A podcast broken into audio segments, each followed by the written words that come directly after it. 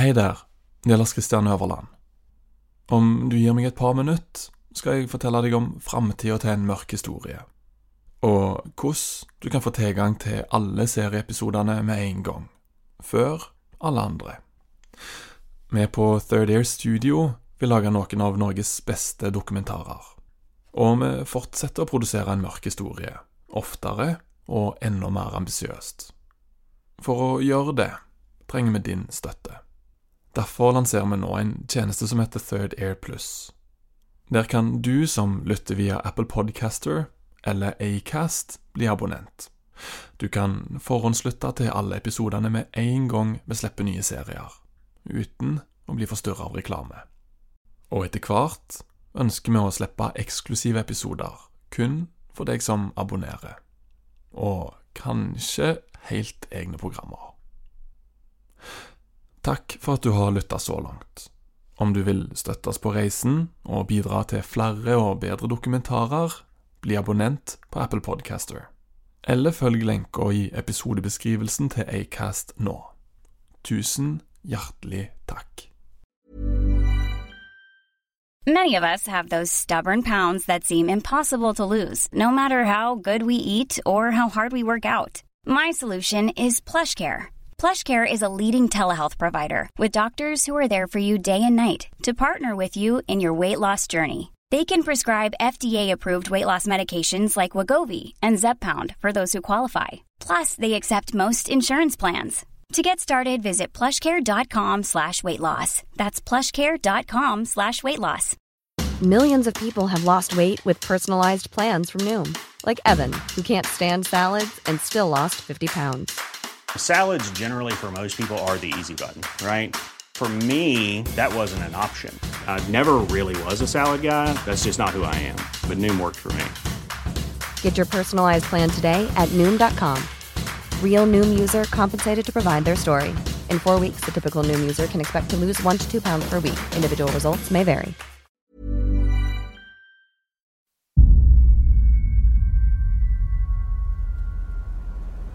Midt på natta klokka halv fire den 26. mars 2008 raser Akslafjellet i Ålesund inn i ei seks etasjer høy bostadblokk. Når raset går, er det 20 personer i bygget. Og de to nederste etasjene kollapser fullstendig. Dere hører de andre nedenfor dere? Ja, vi hører folk rope nedover nå. Ja, Roper de om hjelp, da, eller? Jeg vet ikke. Nei.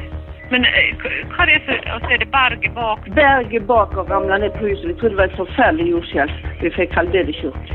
Nei, Det er jo en veldig vanskelig situasjon, fordi at eh, eh, man ønsker jo å redde liv. Eh, samtidig så har man jo fokus på at de innsatsen man må sette inn, da, den skal jo være så trygg og, og god som det er mulig å få til. Man ønsker jo ikke å utsette egne mannskap for unødig risiko.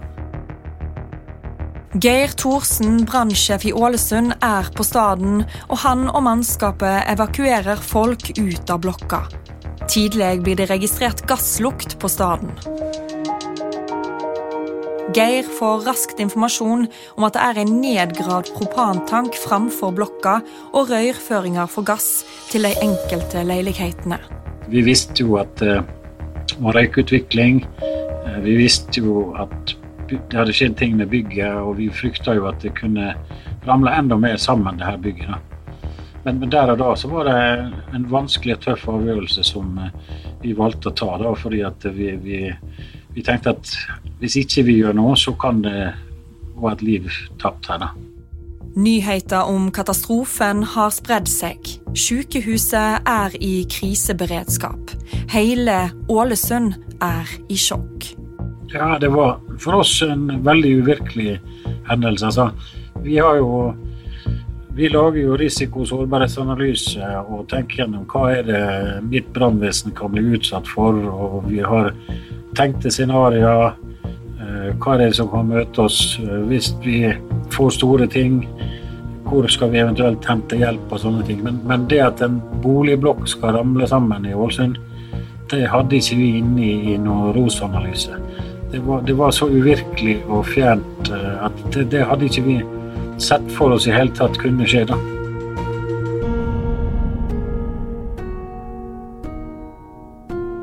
Du hører på En mørk historie, raset i Ålesund, del to av to. Jeg våkna av at telefonen eh, ringer midt på natta. Og en eh, annen kollega ringer meg og sier at aksla har rast, aksla har rast. Og jeg tenkte at dette her er bare kødd, telefon, så jeg la på. um, så ringer han på igjen umiddelbart etterpå uh, og sier at nei, det, det, dette her er ikke tull. Uh, det har rast opp på Fjelltun.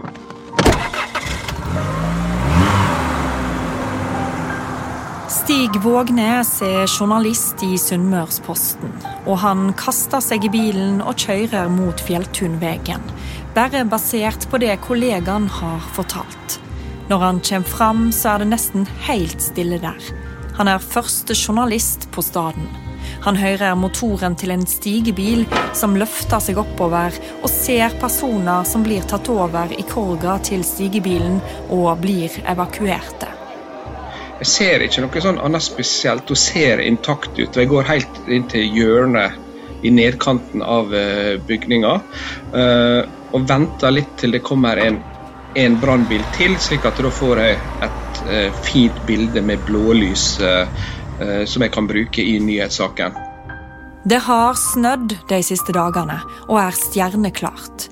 Stig Vågnes tar bilder og kjører ned til Sunnmørsposten sitt kontor for å publisere sak til nettsida. Samtidig ringer han til operasjonsleder i politidistriktet. De forteller at det har vært ei ulykke. Det er ingen som vet sikkert hva som har skjedd, men det skal være ei steinblokk som har rasa inn i bygget. Um, og Da uh, publiserer jeg denne saka. Uh, det tar bare noen få minutter. Uh, og Så kaster jeg meg i bilen og kjører opp igjen til stedet. Da hadde politiet ankommet og satt opp sperringer um, ja, 50 meter fra bygget, så jeg, jeg, kom ikke så nært som jeg gjorde da. Så veldig mye av det som blir vår rapportering, da, det er ut ifra det vi ser på stedet. Og det, det, er jo Det begynner jo å bli litt lyst, slik at du, du ser litt mer omfanget av uh, ulykka. Uh, når jeg var oppe og tok det første uh, bildet, så var jo det mørkt, og det var gatelys. slik at jeg måtte lysne bildet litt. Da ser jeg at oi, første etasjen er jo vekke. Du tenker ganske sånn spesifikt, konkret. ikke sant? Eh, hva er det som har skjedd? Eh, som geolog så er vi vant med å finne ut av hvordan ting henger sammen. Kort tid etter raset blir geolog Lars Harald Blikra oppringt og bedt om å komme til staden. Brannvesenet og politiet trenger ekspertise. Og her var det hvordan hang dette her sammen i forhold til hva er det som har skjedd er det mulig at det kommer noe mer løst i bakkant. For her er det folk som omkommer eh, som ligger inni, inni huset, og det var behov for å gå inn. Hva er sikkerheten for brannvesenet og folk som skulle gå inn der? Så all fokus var på å finne ut hva som hadde skjedd, og hva som kunne skje videre. Det er ikke bare Lars Harald Blikra som lurer på hva som har skjedd. Det gjør alle. Og framfor alt, hvordan kunne dette her skje? Bustadblokka er bare fire år gammel, og fjellet skal være sikkert. Og begynne å, å lete etter syndebukker òg, hva som hadde gått, gått galt. Og, så det var en viktig del da, ehm, for oss som var eksperter, og at fokuset var nå på å redde liv. Så godt som hvis det var mulig å redde liv og komme seg inn, og ikke hvem som var syndebukk. Så det var noe som måtte komme etter. Så vi måtte prøve å formidle det på en god måte, sånn at fokuset ble på rette plassen. Samtidig som Blikra prøver å fokusere på de rette tinga, arbeider brannvesenet med å sikre gasstanken. Senere på morgenen blir det registrert en brann i underetasjen i vestre del av bygningen. Gasstanken ligger under fronten av den østre delen av bygget. Her i ei blokk som har kollapsa. Eh, vi visste ikke hva stort gasstank det var. Altså Var det et fellesanlegg eh, for varme? Eller var det en, en, en liten beholder som sto ute på en veranda tilknytta en, en grill? En av de som er på staden, er Stig Vågnes i avisa Sunnmørsposten. På morgenen registrerer brannvesenet gassflammer som har rot i området ved gasstanken. De er først redde for overoppheting av tanken og eksplosjon. Eh, så, så, det, så, vi visste ikke eh, omfanget av det. Og Dermed så får jo det en sånn usikkerhet som gjør at ja, vi følger i hvert fall eh, rådene om å holde oss eh, unna til vi får Eh, mer informasjon. Men samtidig så skjer det sjelden ei ulykke eh, alene. Så, så det, det, det, kunne jo utvikle seg, dette Det kunne jo bli enda verre. Og vi, vi, vi sto vel egentlig bare og holdt pusten, alle mann, tror jeg. Snart kan de puste ut. De har en plan for gasstanken, og brannen kommer under kontroll etter mange timers observasjon og en krevende innsats. Fra helt øverst i bygget, sjette etasje, har Elsa Peggy Eldøy og mannen hennes blitt evakuerte. I takt med at dagen gryr, innser hun hva som har skjedd. Nei, det første som skjedde, var at vi fikk en telefon fra Australia til, til, sønnen min som satt på flyplassen, og sier at om pappa er huset vårt ramla ned. Så da hadde han allerede fått det på internett. Det var nå det første eh, sjokket som vi undres litt over. Men så fikk vi jo til hvert skjønne at, eh, at det var folk som ikke var kommet med. Og det kom jo litt etter litt. Og så ble vi frakta til hotellet inne i, i Ålesund, og der møttes vi jo da og kunne snakke litt mer. Hun forteller at det er masse som skjer på én gang og hun opplever ei god oppbacking av kommune og kirke. Geir Thorsen, brannsjef i Ålesund, mener at det ikke bare var viktig å være på staden, men også å informere og holde beboerne og andre involverte oppdaterte på situasjonen. Eh, hadde jo, vi hadde jo daglige møter. Eh, stort sett jeg var med på sånne møter med evakuerte og de som var direkte involvert i det her, eh, sammen med representant fra politiet. Eh, der vi prøvde å ja, være åpen og ærlig i forhold til både risikoer og trusler og hva vi holdt på med og hvor vi var i hendelsen. Eh, og det var ganske sterkt. Vi, vi fikk faktisk to ganger fikk vi stående applaus for den jobben vi, vi gjorde underveis. da. Liv Vartdal har stått ute på en altan i en time før hun blir hjulpet ned med en stigebil. Nå har hun og mannen hennes i lag med de andre evakuerte blitt kjørt til Rika-parken hotell i Ålesund. Jeg husker kommuneoverlegen var der, og forskjellige da, som, som liksom gikk rundt der og observerte oss. Det er sånn at vi skulle få den hjelpa som trengs. Og vi fikk noen rom så vi kunne legge oss ned på og slappe av litt. og jeg vet ikke om jeg tenkte så mye akkurat da. Vi var vel mer eller mindre i sjokk. Eh, så, så, det gikk jo ikke opp for oss med det samme hva som hadde skjedd. Og, og det var jo mørkt om natta, ikke sant? så vi var jo opp igjen litt senere på dag for å se det i dagslys. Og det var jo veldig, veldig store skader. Trass i sjokket prøver Liv å følge med på rapportene om hendinga så godt hun kan. Og ja, ja, det følte vi veldig nøye med på. Absolutt. Der hadde vi god kommunikasjon eh, både til de som var der, og, og fikk bra informasjon der. Presseoppbådet er enormt. Stig Vågnes og kollegaene hans jobber videre. De har, som alle andre, forstått at folk er savna. At ikke alle som bor i blokka, har kommet seg ut.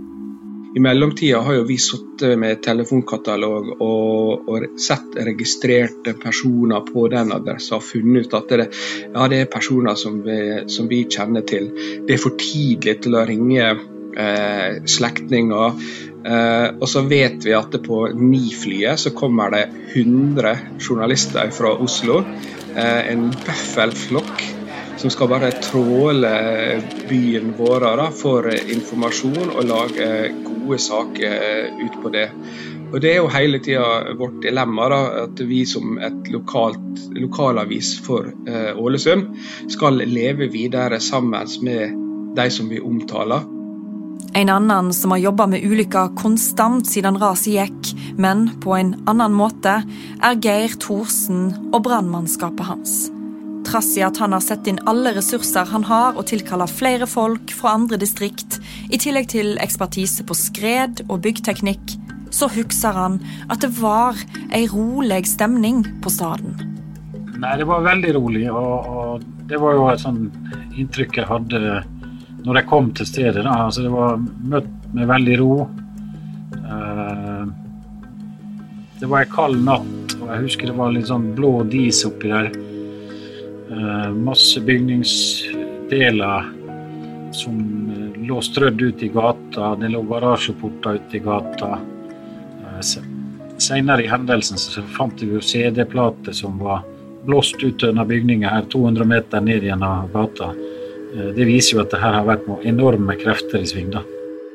Når han ser tilbake på de første døgna, tenker han ikke bare på hva som berørte han, men også på hvor mye alle lærte av å samarbeide.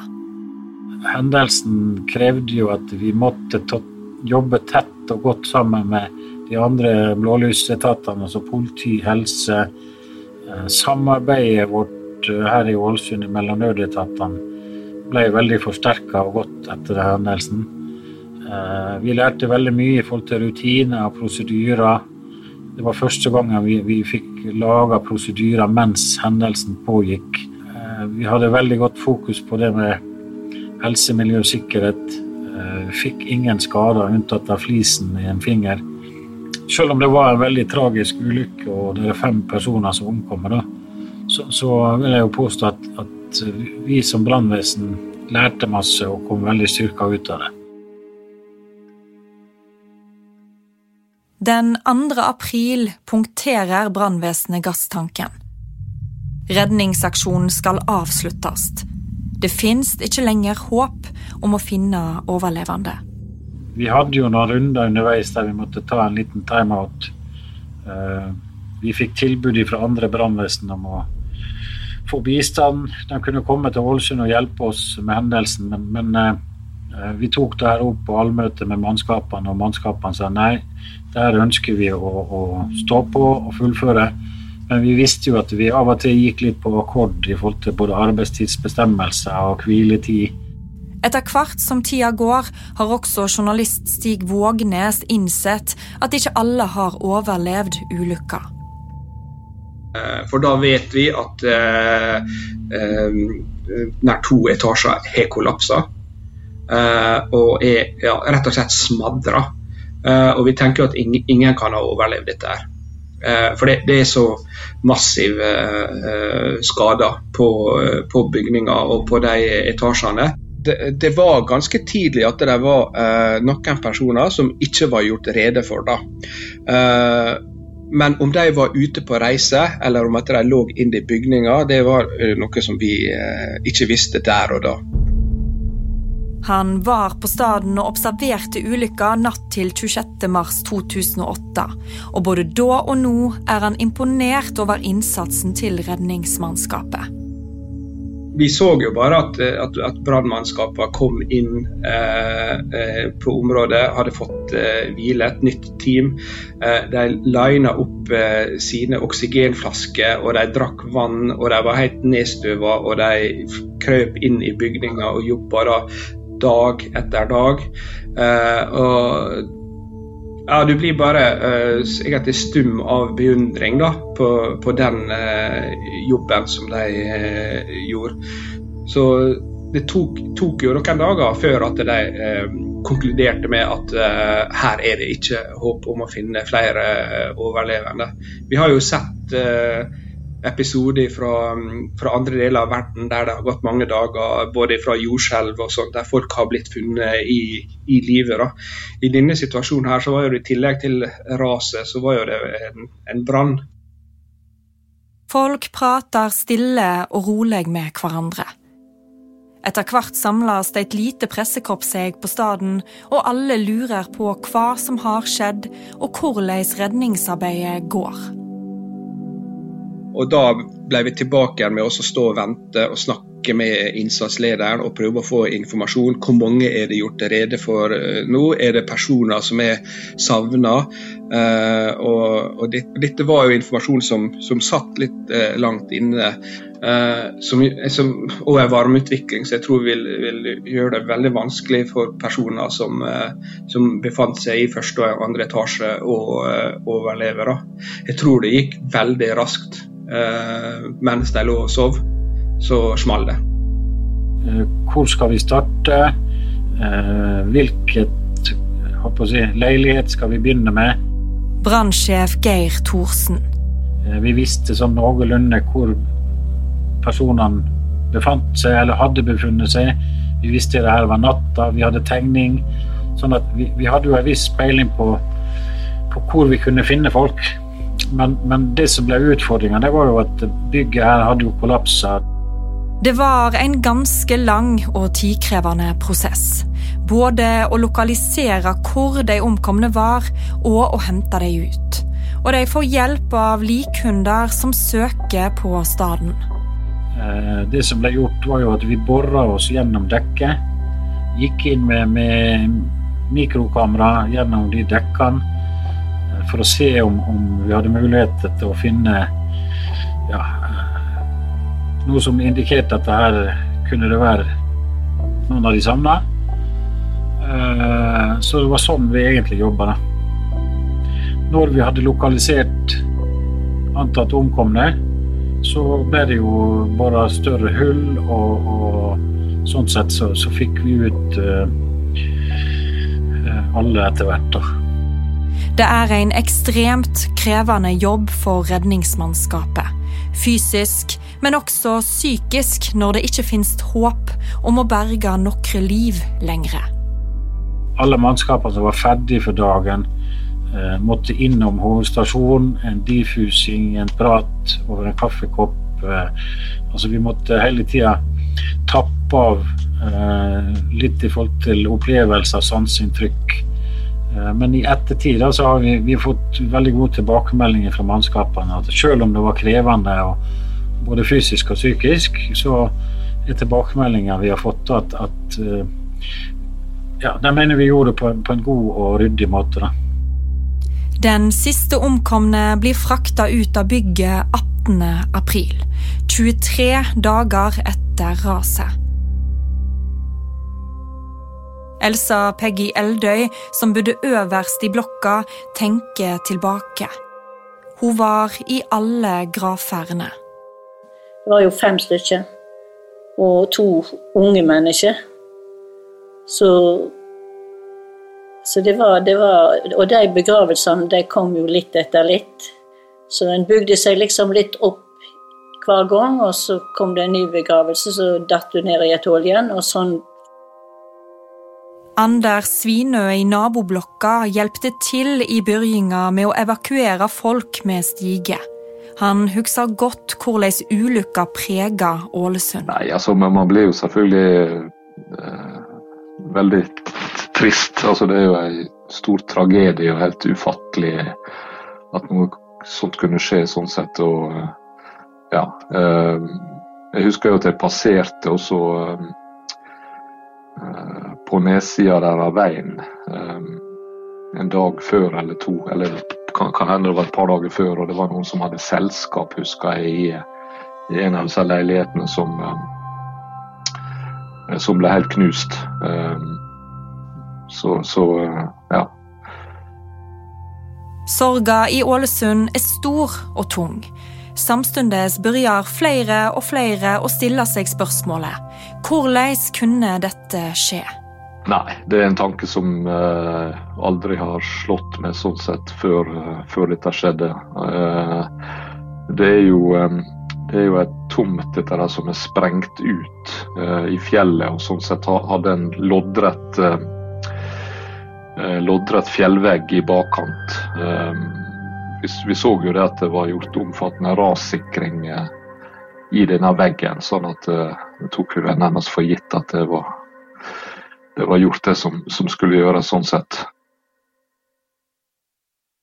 Det er jo et naturlig spørsmål, da. Um, Stig Vågnes, journalist i Sunnmørsposten. Hva er blitt gjort på forhånd uh, av vurderinger? Uh, og, og, det viste jo seg at det hadde vært geologer på stedet før, uh, før bygginga av dette bygget her, og påpekt at her måtte det sikres. Og det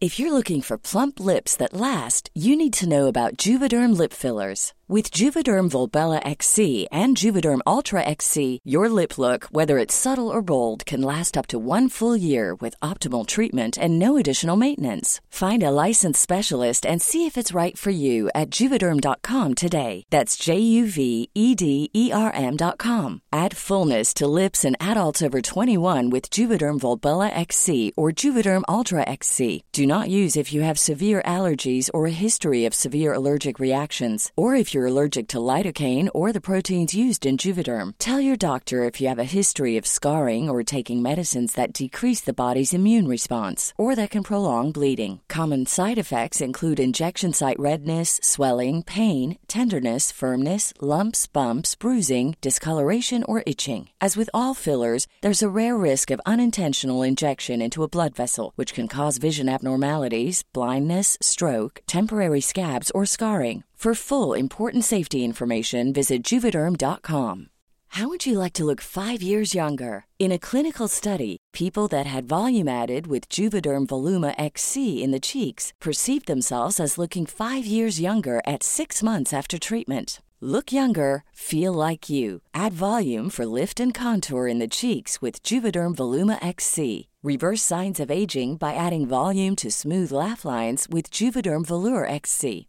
For important safety information and to find a licensed specialist, visit juvederm.com. That's J U V E D E R M.com. Not for people with severe allergic reactions, allergies to lidocaine, or the proteins used in Juvederm. Common side effects include injection site redness, swelling, pain, tenderness, firmness, lumps, bumps, bruising, discoloration, or itching. There's a risk of unintentional injection into a blood vessel, which can cause vision abnormalities, blindness, stroke, temporary scabs, or scarring. Talk to a licensed specialist to find out if it's right for you. Millions of people have lost weight with personalized plans from Noom, like Evan, who can't stand salads and still lost 50 pounds. Salads, generally, for most people, are the easy button, right? For me, that wasn't an option. I never really was a salad guy. That's just not who I am. But Noom worked for me. Get your personalized plan today at Noom.com. Real Noom user compensated to provide their story.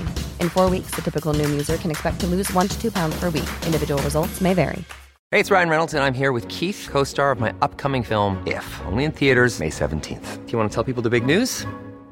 All right, I'll do it. Sign up now and you'll get unlimited for $15 a month in six months of Paramount Plus Essential Plan on us. Mintmobile.com slash switch. Upfront payment of $45 equivalent to $15 per month. Unlimited over 40 gigabytes per month. Face lower speeds. Videos at 480p. Active Mint customers by 531.24 get six months of Paramount Plus Essential Plan. Auto renews after six months. Offer ends May 31st, 2024. Separate Paramount Plus registration required. Terms and conditions apply if rated PG.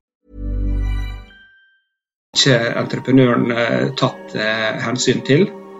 Så, så, selv om det ikke ble reist noen straffesak eller sånne ting i ettertid, så ble det en oppfatning av at uh, uh, entreprenøren eh, un, underslo opplysninger om faren for ras når de da bestemte seg for å, å bygge denne blokka, og kryssa vel av da på skjema på at det ikke var rasfare når de sendte inn bygget for godkjenning til Ålesund kommune. Lars Harald Blikra, geolog og ekspert på skred, mener at det på et vis kunne gått mye verre.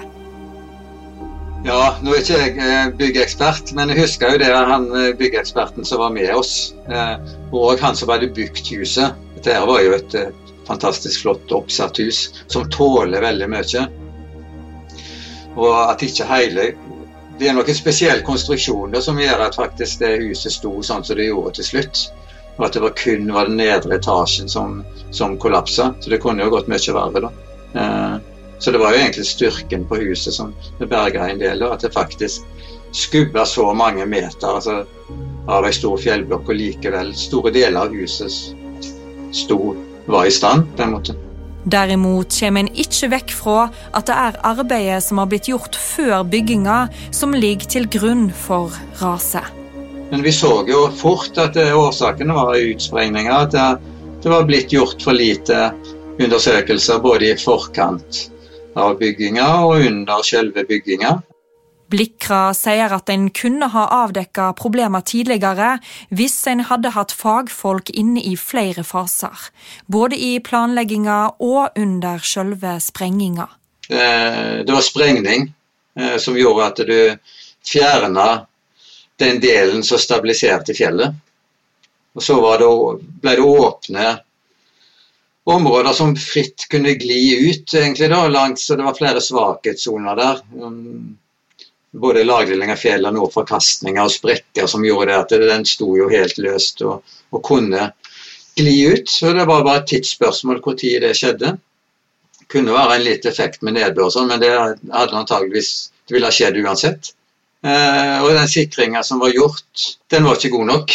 Eh, Sikra bare små deler. Så den sto der nok som en tikkende bombe. Og en hadde ikke fått ja, Det var ikke fulgt opp nok fra prosjektering, planlegging til ferdig utførelse, så var det ikke gjort godt nok eh, faglige vurderinger av, av, av, stabiliteten. Så det er jo ganske klart, i og med at det gikk ut. Eh, så årsaken er veldig, sånn, veldig klar. Eh, det var ikke noe stor tvil om det. Svarene på spørsmålene begynner komme. Men det tar tid for folk å ta inn over seg det som faktisk har skjedd. Her hører vi journalist Stig Vågnes. Eh, Ålesund var prega av eh, denne ulykka i lang tid eh, etterpå. Fordi alle kjenner noen som kjenner, eller som hadde slektninger som var involvert i ulykka. Og Fjelltun, Akslafjellet, er jo selve symbolet, byfjellet i Ålesund. At det raser og at folk omkommer på tragisk vis mens de sover i sin trygge søvn i sitt eget hjem. Eh, i Ålesund, i Norge. Det, det, det, var så surrealistisk. for Det er sånn som du ser på internasjonale nyheter fra dårlige byggekonstruksjoner i, eh, i, i andre land. Men dette her skjedde hos oss. Så, så, så det var veldig uvirkelig. Medan han observerer og rapporterer om ulykka og har fullt fokus på å få svar på spørsmåla sine, stopper han innimellom opp og tenker på det som faktisk har skjedd. Og føler på at også han er en del av Ålesund-samfunnet. Etter å ha jobba eh, en hel dag, da, eh, den første dagen med med denne ulykka så bestemte eh, redaksjonsledelsen seg for at nå skulle ha fri, og skulle ha fri neste dag for å få eh, et døgn eh, fri mellom arbeidsøktene da, på, på, dette oppdraget her nå. Så på slutten av arbeidsdagen så var vi en gjeng som gikk ut og spiste middag sammen, og, og vi snakka om det som hadde skjedd, hvor tragisk det var, men sett selvfølgelig fra et sånn journalistisk perspektiv, så var jo vi eh, interessert i å finne ut av hvor Eh, stort var omfanget, hvor alvorlig var ulykka, og hvordan kunne det skje. Når vi kommer ut fra, eh, fra restauranten eh, på kvelden, så blir, blir det bare møtt av en vanvittig stillhet. Hele Ålesund er død. Vi ser bort på Rådhustorget, der det henger flagg på halv stang. Det er ikke ei sjel ute i byen alle, er, det virker som alle var inne og sørga. Alle var i sjokk. Og så kommer vi en gjeng brokete journalister ut fra et hyggelig lag. Det var, det var så surrealistisk. Eh, der du må liksom bare stille spørsmål ok, har, har du kontakt med omverdenen, eller, eller, ikke? Har du empati, eller Men hvis du ser det i sammenheng, hvordan vi som mennesker eh, takler eh, sånne ting og, og og et overlevelsesinstinkt, så er det, så er det, er det eh, kanskje naturlig. Men det slo meg at her sørger hele Ålesund, og vi er ute og spiser middag som om ingenting hadde skjedd. Det, det satt en skikkelig eh, støkk i meg altså når, eh, når jeg, når jeg oppdaga det. I november samme år kommer Ålesundsutvalget med en rapport om ulykka. Liv Vartdal, som måtte evakueres fra femte etasje, blir nøyd med det de har kommet fram til. Og Vi er veldig glad for den rapporten, at den ble konklusjonen på den rapporten. da. At det de da i, for senere skal, skal prøve å, å gjøre kontroller underveis på sånne byggeprosjekt. For det er klart Man kan ikke ta høyde for absolutt alt her i verden heller, så det er jo ikke så rart at det skjer ting som man ikke har tatt høyde for, og at ting blir endra. Men det er ikke bare Liv som har venta på rapporten. Det har hele Ålesund. Hva skjedde, og hvordan kunne det skje? Det forteller journalist Stig Vågnes så, sånn som jeg husker, så var det, var det veldig stor spenning knytta til uh, rapporten og hva den uh, sa. Uh, var fjellet så porøst og så usikkert som vi, vi trodde?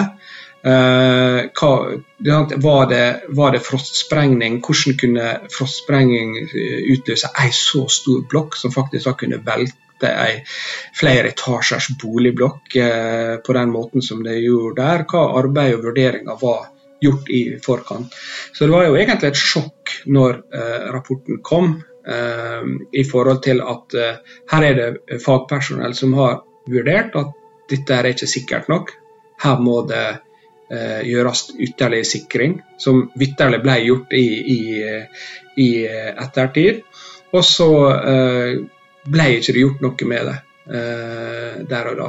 Det skapte stor oppstandelse i Ålesund sikringa var ikke god nok i forhold til et så stort scenario. Geolog Lars Harald Blikra sammenfatter hva rapporten kom fram til. Kunnskapsgrunnlaget var for dårlig, eh, og det var for dårlig oppfølging underveis. Og Så kan en diskutere om det var innenfor eller utenfor, men det viktigste for oss var å finne ut at her, her er det faktisk mulig å gjøre noe i, i fremtidige prosjekter. At en må obs på det.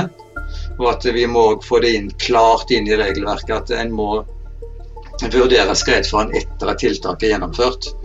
Når du lager en stor skjæring, så endrer du jo naturen og, og stabilitetsforholdet, og det må òg vurderes både før og selvfølgelig at du må oppfølging underveis i et sånt prosjekt for å være sikker på at eh, stabiliteten blir god nok i etterkant.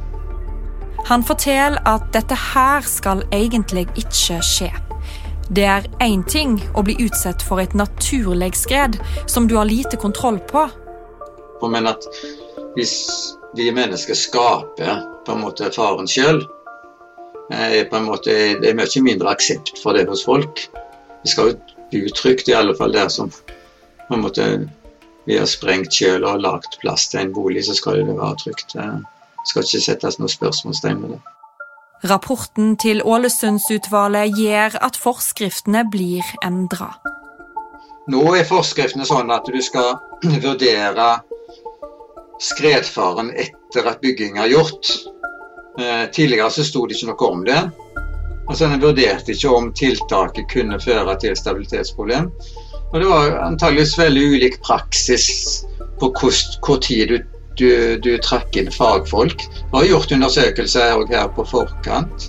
Så det var vanskelig å påpeke én ting. altså Sammenheng mellom forskrifter og, og ikke helt sånn klart hvor mye kunnskap må du, fagfolk må du inn hele veien i en byggeprosess. Det var veldig, var veldig ulik praksis egentlig med sånn, den typen prosjekter. da.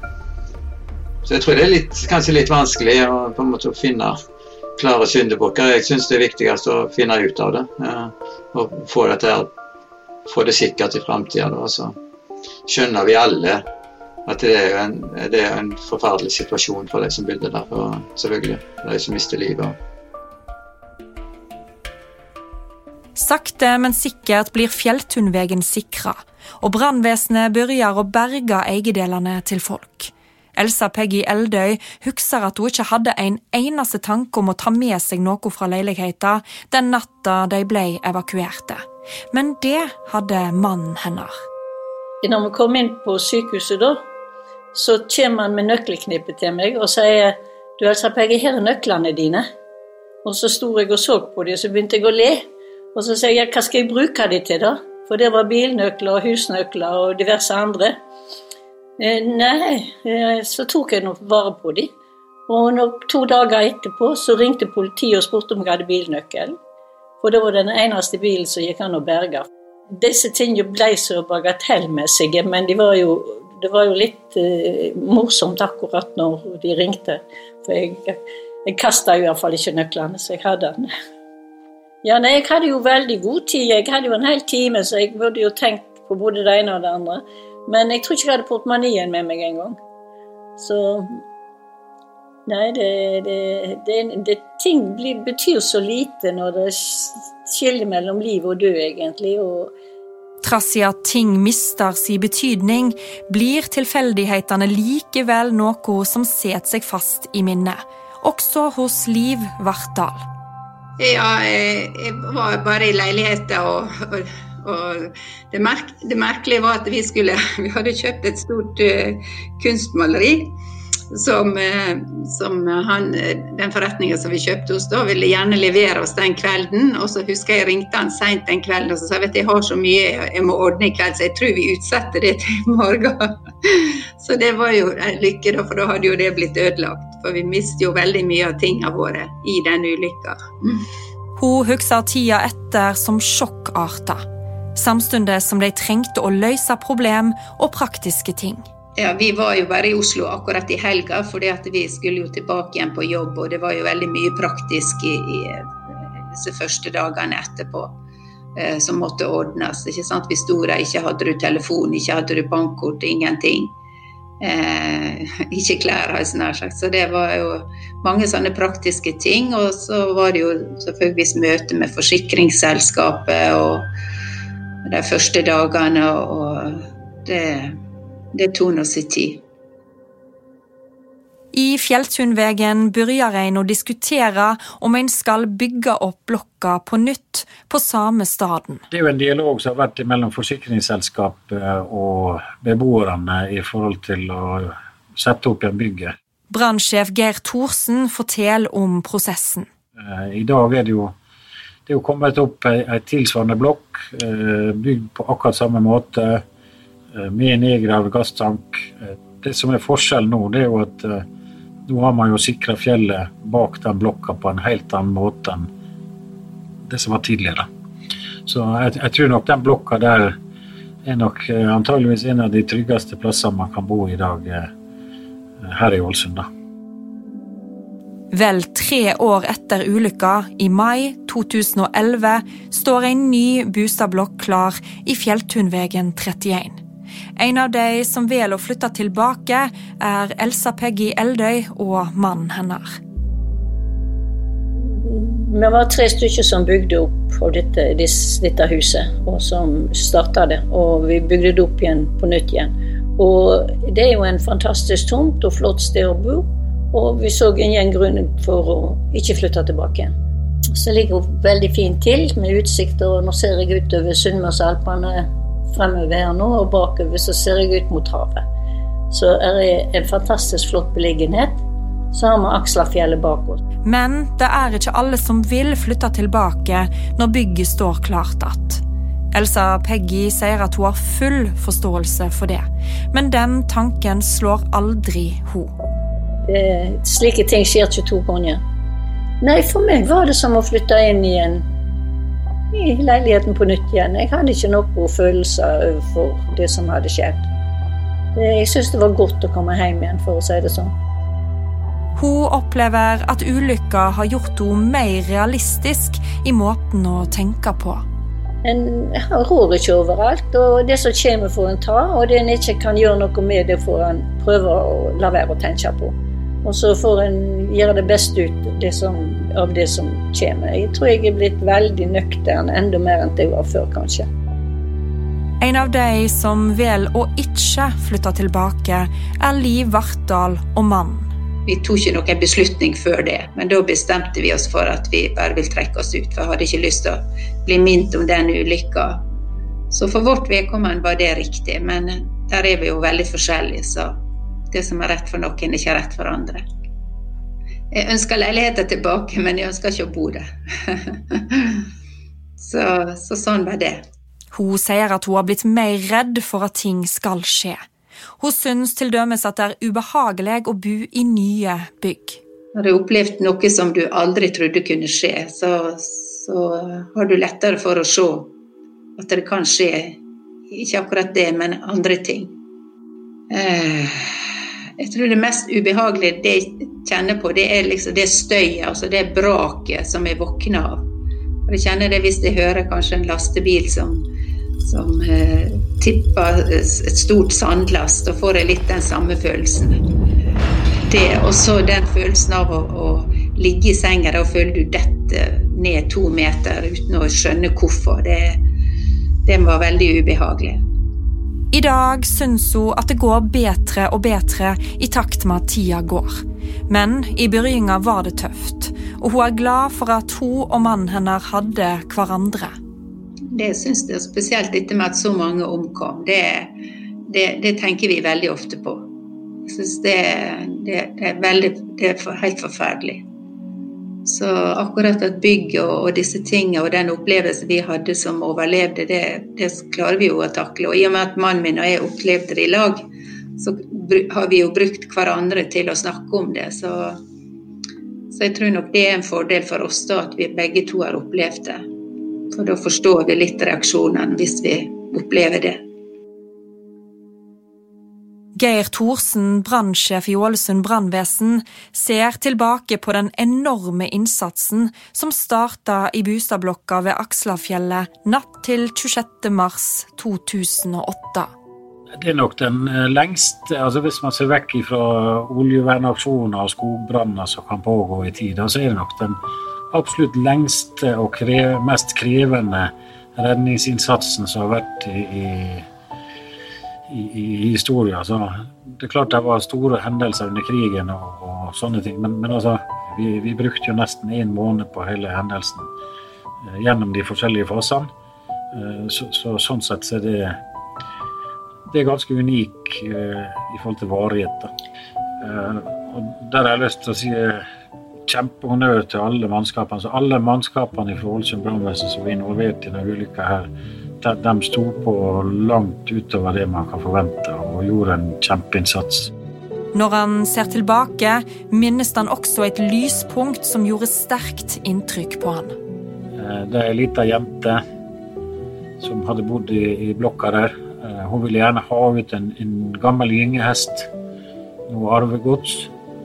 Eh, jeg blir aldri å glemme det bildet når hun får overrekt den gyngehesten, hvor glad hun ble altså det var skikkelig sånn gjensynsglede når eh, hun fikk igjen den gamle gyngehesten sin. Da. Så det var veldig rørende å oppleve. da. Interessen har vært veldig stor for både å høre om ulykka og lære av det som skjedde. Om hvordan de håndterte det. Geir har bl.a. vært i USA og hatt foredrag om hendinga. Ulykka som kommer til å prege han for alltid også på det private planet. Eh, det gir jo enormt sterke inntrykk. Eh, jeg hadde jo kjenninger som omkom i den ulykka, eh, som jeg var sammen med i sosialt lag like før. Så det er klart at det er jo en, en hendelse som gir sterke og, og varige inntrykk. Jeg skal ikke si at de preger meg sånn i dag, men, men altså, det er noe får du sikkert mye bråk her. Det går en alarm. Vi har sånn stasjonsalarm som går på callingen her. Ja. Det har gått mer enn tolv år siden Stig Vågnes, journalist i Sunnmørsposten, ble vekka midt på natta av kollegaen sin. Men hendelsesforløpet har etsa seg fast. Uh, denne saka sitter uh, hardt i. Uh, det, er en av fem st største sakene som jeg har jobba med. Etter 22.07, da, som vi også har jobba med, så er dette definitivt den mest alvorlige saken som vi har vært borti. Og det å være først på stedet der uten i det hele tatt å vite hva er det som, som møter deg. Og og da i de første timene også heller ikke skjønner eh, hvor omfattende det var. For så at det blir avdekket at dette her var en tragisk ulykke for Ålesund. Hvor viktig eh, den var for eh, Ålesund, det, eh, det tenker vi på ikke daglig, men svært ofte. Vi kjører jo forbi eh, Fjelltunveien eh, ofte til jobb, og du ser opp på blokka som er der nå, og du tenker tilbake på den dagen du, du kjørte opp der nå midt på natta, helt opp til bygget, og, og fikk sjokk. da. Han forteller at raset var ei ulykke som setter en støkk i hele Ålesund-samfunnet. For det skjedde i byen deres, og med folk de kjente til. Uh, og, og, det var en sånn uforklarlig ulykke, egentlig. Det, dette her var jo noe som ikke skulle skje. Uh, vi stoler jo på at uh, når bygg blir reist i dag, så er det trygt. Ålesund har jo ikke hatt sånne store naturkatastrofer. Vi, men det, det, det, er liksom sånn ansett som en trygg by. Og det var det plutselig ikke lenger. Altså, Aksla, byfjellet vårt, kan rase. Nei, og Når jeg ser tilbake på bildet som mannen min tok av inne i huset, så er det nesten ikke til å tro. Nå har hun blitt alene i leiligheten. Mannen er på institusjon. Men bortsett fra det så syns hun at hun har det fint. Ja, jeg sover godt om natta. Det gjør jeg. Og jeg tror en må, ikke, må ikke henge seg fast i slike ting. Livet må gå videre, og du må skape noe nytt.